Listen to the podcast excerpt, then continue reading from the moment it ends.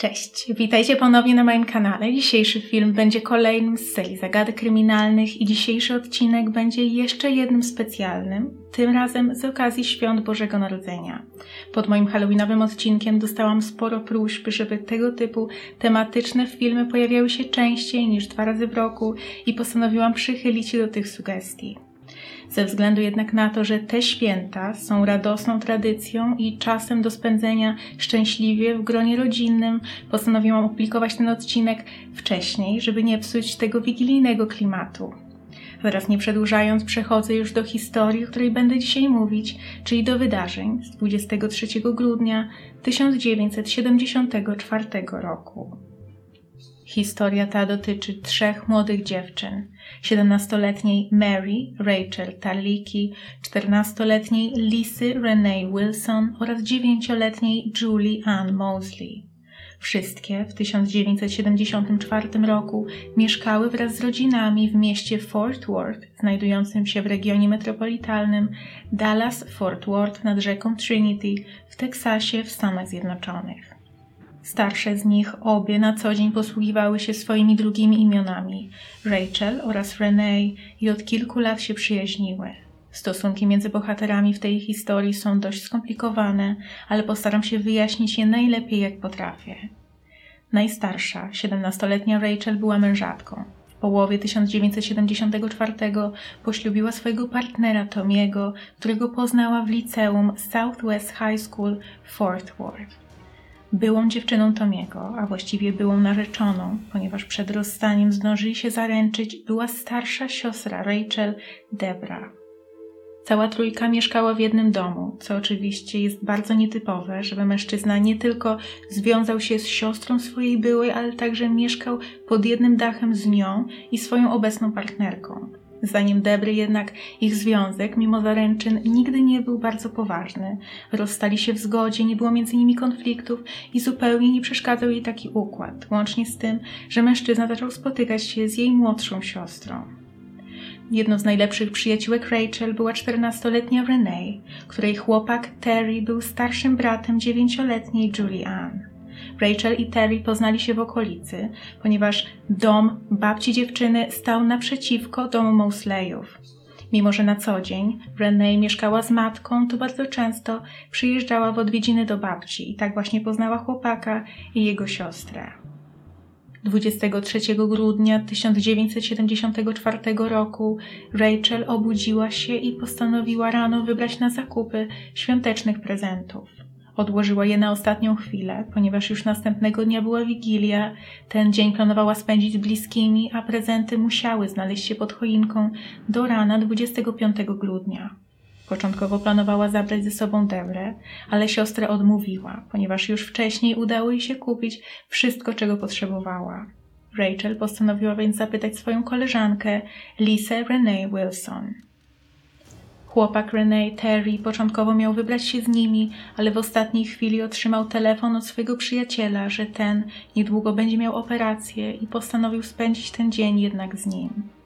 Ostatecznie dziewczynki zadecydowały, że wezmą ze sobą jego młodszą siostrę, Julianne, żeby ta nie została w domu sama. Dziewczynka zadzwoniła do mamy, żeby zapytać o pozwolenie, czy może wybrać się do centrum handlowego ze starszymi koleżankami i początkowo matka, Rayanne Mosley, nie zgodziła się, ale ostatecznie po namowach córki uległa.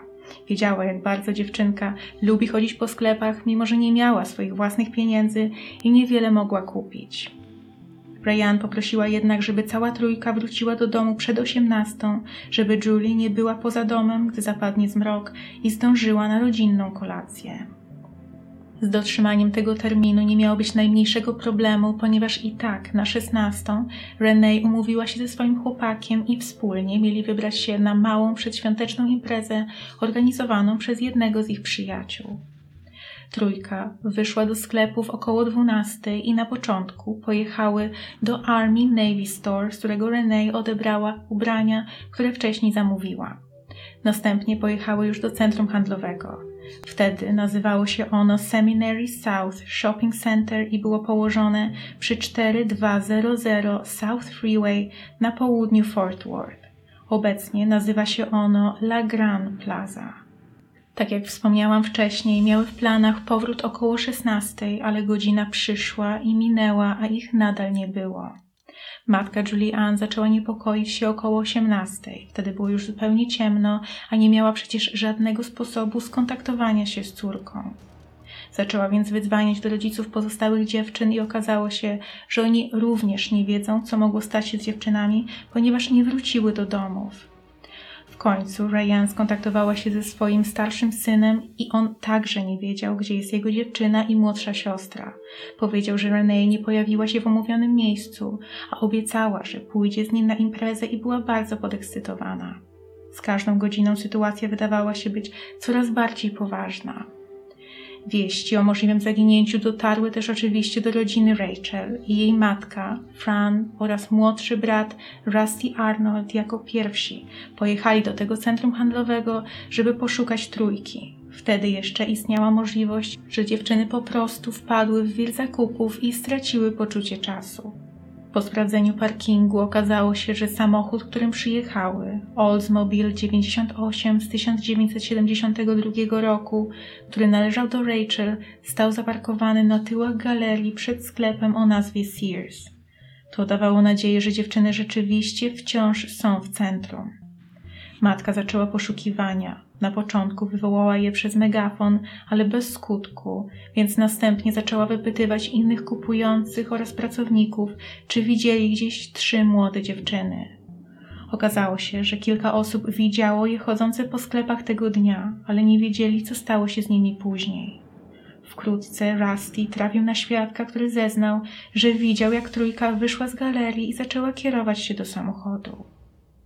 Po otwarciu bagażnika okazało się, że znajdują się tam prezenty, które kupiły, co wskazuje na to, że planowały już jechać do domu, ale coś pokrzyżowało im plany. Matka i brat czuli się zupełnie bezsilni. Przez kilka kolejnych godzin czekali przy samochodzie z nadzieją, że dziewczyny wrócą, ale niestety tak się nie stało. Sprawa następnie została zgłoszona na policję, ale funkcjonariusze niestety nie potraktowali jej poważnie. Uznali, że młode dziewczyny po prostu chciały posmakować wolności i uciekły. Nie mieli wątpliwości, że wrócą jeszcze przed świątecznym porankiem. Bliscy mieli złe przeczucia i czuli, że to nie była zwykła ucieczka, jednak nie mogli nic zrobić na własną rękę. Jedyne co mogli zrobić, to po prostu cierpliwie czekać. Rano 24 grudnia do skrzynki pocztowej pod domem, w którym mieszkała Rachel, jej siostra Debra i mąż Tommy, wrzucony został list. Wyglądało na to, że napisała go sama Rachel i wiadomość brzmiała: Wiem, że go złapię, ale musimy uciec. Jedziemy do Houston. Do zobaczenia za około tydzień. Samochód jest na głównym parkingu Sears. Kocham Rachel podczas gdy list dostarczył pewnego wyjaśnienia całej sytuacji i bliscy poczuli ulgę, to jednak można było zauważyć kilka nieścisłości. Nie było jasne, dlaczego dziewczyny miałyby uciekać wspólnie. Jeszcze można zrozumieć, że siedemnastoletnia Rachel mogła chcieć wyrwać się na jakiś czas z domu, nawet to, że wzięła ze sobą czternastoletnią koleżankę, ale po co zabierać ze sobą też dziewięciolatkę? Dodatkowo w takim wypadku po co kupowałyby świąteczne prezenty i zostawiały je w aucie? W liście napisano, gdzie znajduje się samochód, ale po co został zostawiony na parkingu? Jeśli rzeczywiście chciały wybrać się do Houston, to najprościej pojechać tam właśnie autem. Fort Worth dzieli od Houston ponad 400 kilometrów. Nie ma opcji, żeby wygodniej było im pojechać na przykład pociągiem. Dodatkowo, decyzja o wyjeździe musiałaby zostać podjęta bardzo spontanicznie i na ostatnią chwilę, ponieważ, tak jak wspomniałam, zanim dziewczyny postanowiły pójść na zakupy we trójkę, proponowały wyjście także Debrze, a nawet chłopakowi Rachel Teremu. Po dokładnym przeanalizowaniu listów oczy rzucało się kilka dodatkowych, nietypowych cech. Sama wiadomość została napisana piórem, ale kopertę zaadresowano ołówkiem i dodatkowo kartka nie mieściła się w tej kopercie i musiała zostać zagięta. Ponadto imię Rachel, które znajdowało się w lewym górnym rogu, wydawało się być początkowo napisane z błędem. Na końcu napisano E zamiast L i później zostało to poprawione. Dodatkowo, sam sposób zaadresowania był nietypowy, ponieważ jako adresata napisano Tomasa, a Tarlikę. Rachel na pewno napisałaby po prostu Tommy. To przyznali wszyscy, którzy ją znali. Na pewno nie napisałaby jego pełnego imienia, a już tym bardziej nie uwzględniłaby inicjału. Następny jest kod pocztowy. To, skąd nadany został list, jest niepewne, ponieważ liczba 3 wydaje się być albo do góry nogami, albo jest to ósemka, której brakuje połowy. Możliwe, że był to stempel układany ręcznie i ktoś albo włożył fragment niepoprawnie, albo nie został on dobrze dociśnięty. Mógł to więc być albo numer 76083, co oznaczałoby miasto Eliasville w pobliżu Throckmorton w Teksasie lub 76088. Takim wypadku to Weatherford, także na terenie Teksasu. Oczywiście w ciągu kolejnych miesięcy list kilkukrotnie został poddany analizie grafologicznej. Zadania podjęło się wielu ekspertów w tej dziedzinie, również kilku pracujących do FBI, ale niestety za każdym razem wynik badania był niejednoznaczny i nierozstrzygający. Rodziny zaginionych były przekonane, że to nie Rachel napisała ten list, a nawet jeśli był jej autorstwa, to musiała zostać do tego zmuszona. Musiała także być bardzo zdenerwowana, skoro źle napisała swoje własne imię. Niestety podejrzenia nie wystarczyły. Tak jak się spodziewano, minął tydzień, a dziewczyny nadal nie wróciły. Dopiero wtedy policja zaczęła traktować tę sprawę poważnie, ale było już bardzo późno. Ta opóźniona reakcja, połączona z brakiem jakichkolwiek wskazówek na temat tego, co mogło się stać, utrudniły śledztwo. Lokalna społeczność wkrótce dowiedziała się o sprawie i mało kto sądził, że dziewczyny tak po prostu mogły uciec z własnej woli dwa dni przed Bożym Narodzeniem, po tym, gdy kupiły prezenty dla swoich rodzin.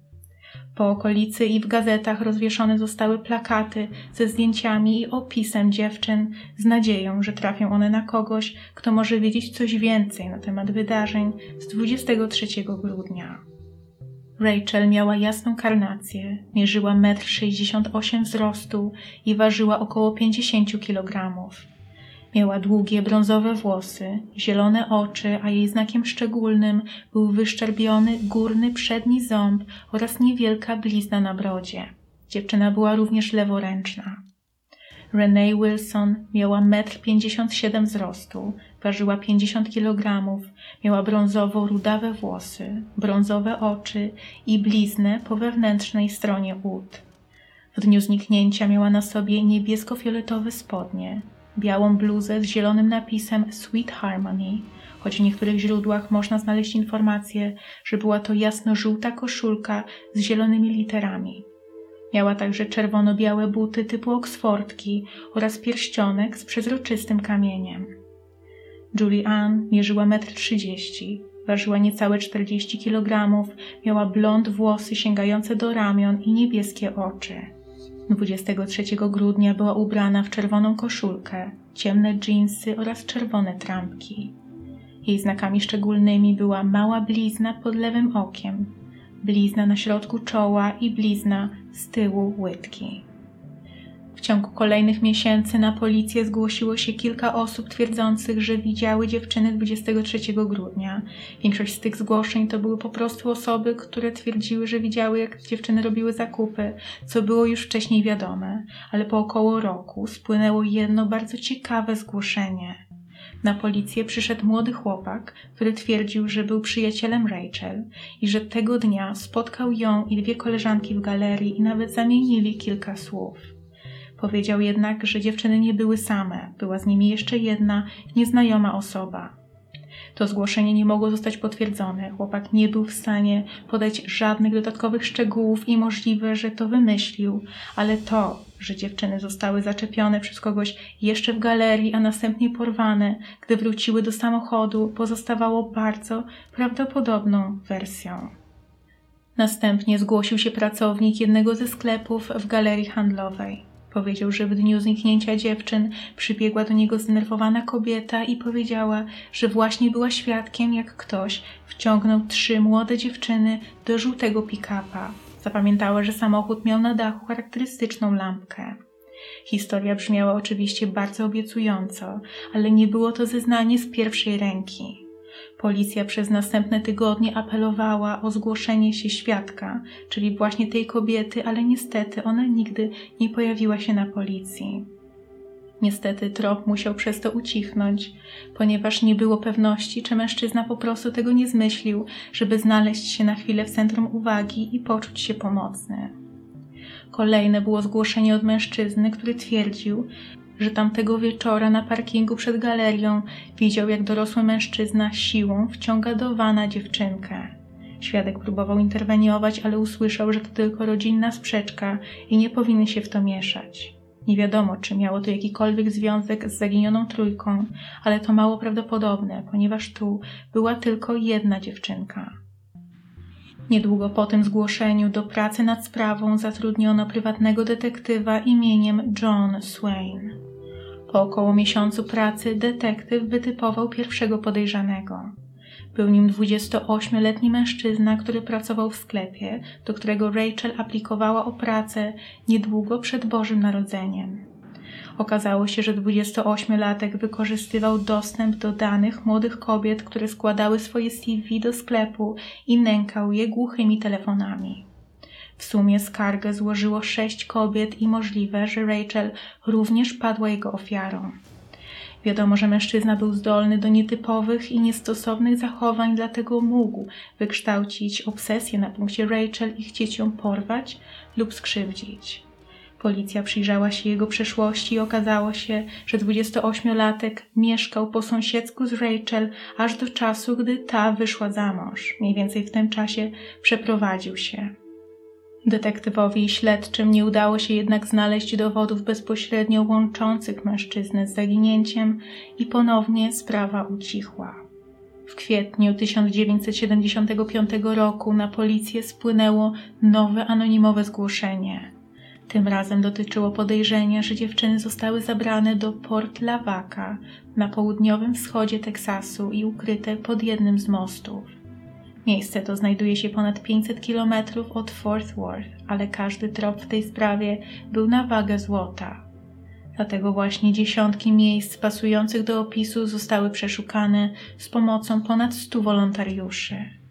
Poszukiwania okazały się bezowocne i było to ostatnie działanie podjęte przez detektywa Swaina. Mężczyzna zmarł w 1979 roku w wyniku przydawkowania narkotyków i z jakiegoś powodu wcześniej poprosił swoich bliskich, żeby w razie gdyby coś mu się stało, zniszczyli wszystkie dokumenty powiązane ze sprawą trójki z Fort Worth. Dla wielu cała ta sytuacja wydawała się co najmniej podejrzana. Wydawało się, że John Swain trafił na jakieś kluczowe informacje, ale nie wiedzieć czemu nie chciał, żeby ktokolwiek się o tym dowiedział, nawet rodziny zaginionych ani policja. W 1976 roku jedna z rodzin otrzymała telefon od jasnowidza, twierdzącego, że miał wizję i wie, że dziewczyny znajdują się w pobliżu szybu naftowego. Nie podał jednak żadnych dodatkowych szczegółów, nawet to, czy to miejsce znajduje się na terenie Teksasu, dlatego pasujących do opisu terenów były setki, jeśli nie tysiące, i ta wskazówka była zupełnie bezużyteczna. Kolejne zgłoszenie napłynęło na policję i to z kolei było niesamowicie obiecujące. Kilku mężczyzn prowadzących odwierty naftowe na przedmieściach miasta Alvord w Teksasie trafiło na trzy szkielety. Miejsce to znajduje się niecałą godzinę drogi na północ od Fort Worth. Okoliczności mogły nawet częściowo zgadzać się z tą wizją jasnowidza, dlatego w tropie pokładane były spore nadzieje. Badania wykazały jednak, że były to ciała chłopca w wieku około 15 lat i dwóch dziewczynek, które nie zostały zidentyfikowane, ale wykluczono, żeby były to któreś z poszukiwanej trójki. Potem sprawa niestety ucichła na kolejne 25 lat. Mimo upływu czasu rodziny zaginionych nie miały zamiaru się poddać. Każde napływające zgłoszenie, niezależnie jak ogólne czy nieprawdopodobne, było dokładnie sprawdzane. W sumie spora część Teksasu została przeszukana, ale te ogromne wysiłki nie przyniosły oczekiwanych rezultatów i sprawa do dziś pozostaje nierozwiązana. Najnowsze wieści pojawiły się w 2018 roku, gdy na dnie jeziora Benbrook, znajdującego się na rzece Trinity River w hrabstwie Tarrant w Teksasie znaleziono dwa samochody. Podejrzewano, że pojazdy mogą mieć związek z uprowadzeniem Rachel, Renee i Julie, ale nie udało się znaleźć bezpośrednich dowodów łączących pojazdy ze sprawą. To miejsce znajduje się około 15 km na południowy zachód od centrum Fort Worth. I niestety to jest już koniec tej sprawy, choć jest w niej jeszcze jeden bardzo smutny element. 23 grudnia rano Terry podarował Renee tak zwany promise ring, czyli pierścionek będący krokiem przed zaręczynami. Jest to jakby obietnica tego, że będzie się w stałym związku i zapowiedź tego, że w przyszłości nastąpią prawdziwe zaręczyny oraz ślub. Jest to amerykańska tradycja i najczęściej decydują się na to młode osoby, które ze względu na wiek lub sytuację finansową nie są jeszcze gotowe na zakup pierścionka oraz na ślub. Terry w ten sposób zobowiązał się wobec Renee, ale nie wiedział, że wybrał akurat dzień, w którym straci ją na zawsze. Ojciec Renee w wywiadzie przeprowadzonym 35 lat po zniknięciu córki powiedział, że nie sądzi, że dziewczyny żyją. Bardzo chciałby w to wierzyć, ale minęło tyle lat, że szanse na to, że odnajdą się całe i zdrowe, są praktycznie zerowe. Matki Renee oraz Julie zmarły, nigdy nie dowiadując się, co spotkało ich córki. Mąż Rachel, Tommy, przeprowadził się i ponownie ożenił. Z tego co wiadomo, jedyną osobą, która obecnie nadal aktywnie prowadzi poszukiwania jest młodszy brat Rachel, Rusty, który gdy zaginęła siostra miał zaledwie 11 lat, dlatego przez całe życie żył ze świadomością tej straty. Założył on innymi stronę internetową missingtrio.com oraz grupę na Facebooku i twierdzi, że dopóki żyje, nie przestanie szukać siostry. I to jest już koniec tej sprawy. W tym roku od zaginięcia minie 46 lat i niestety nic nie wskazuje na to, że ta sprawa ma kiedykolwiek się rozwiązać. Dajcie mi znać w komentarzach, co Wy o tym sądzicie. Może macie jakieś własne teorie na temat tego, co mogło się stać. Jeśli macie także propozycje o jakichś innych sprawach, mogłabym powiedzieć w kolejnych odcinkach z tej serii, to także napiszcie to w komentarzach. Teraz życzę Wam wesołych świąt Bożego Narodzenia i do zobaczenia w kolejnym odcinku. Cześć!